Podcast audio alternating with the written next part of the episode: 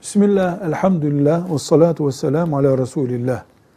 Medya ile ilgili yani basınla ilgili bir fakültede öğrenci olmak, daha sonra da iş olarak medyada çalışıp ekmek parasını kazanmak esasen dinimizin yasak ettiği bir iş değildir. Medya yasak bir şey değildir. Haram bir şey değildir. Medyada haram işler de yapılmaktadır. Market gibi, market helal bir iştir. Alkol satıldığında harama dönüşür.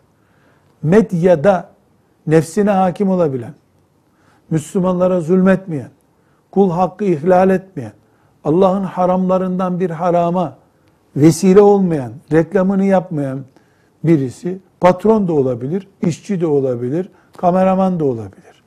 Ama harama nerede bulaşıyorsak o iş bizim için haram olacak demektir maazallah. Aynı şekilde medya içinde geçerlidir bu. Yoğun olarak medyada kul hakkı ihlali, Allah'ın haramlarının yayılması söz konusu olduğundan Müslümanlar olarak medyaya bakışımızda bir soğukluk vardır. Bu soğukluğu tedbire, teyakkuza ve yoğun çalışmaya çevirebiliriz.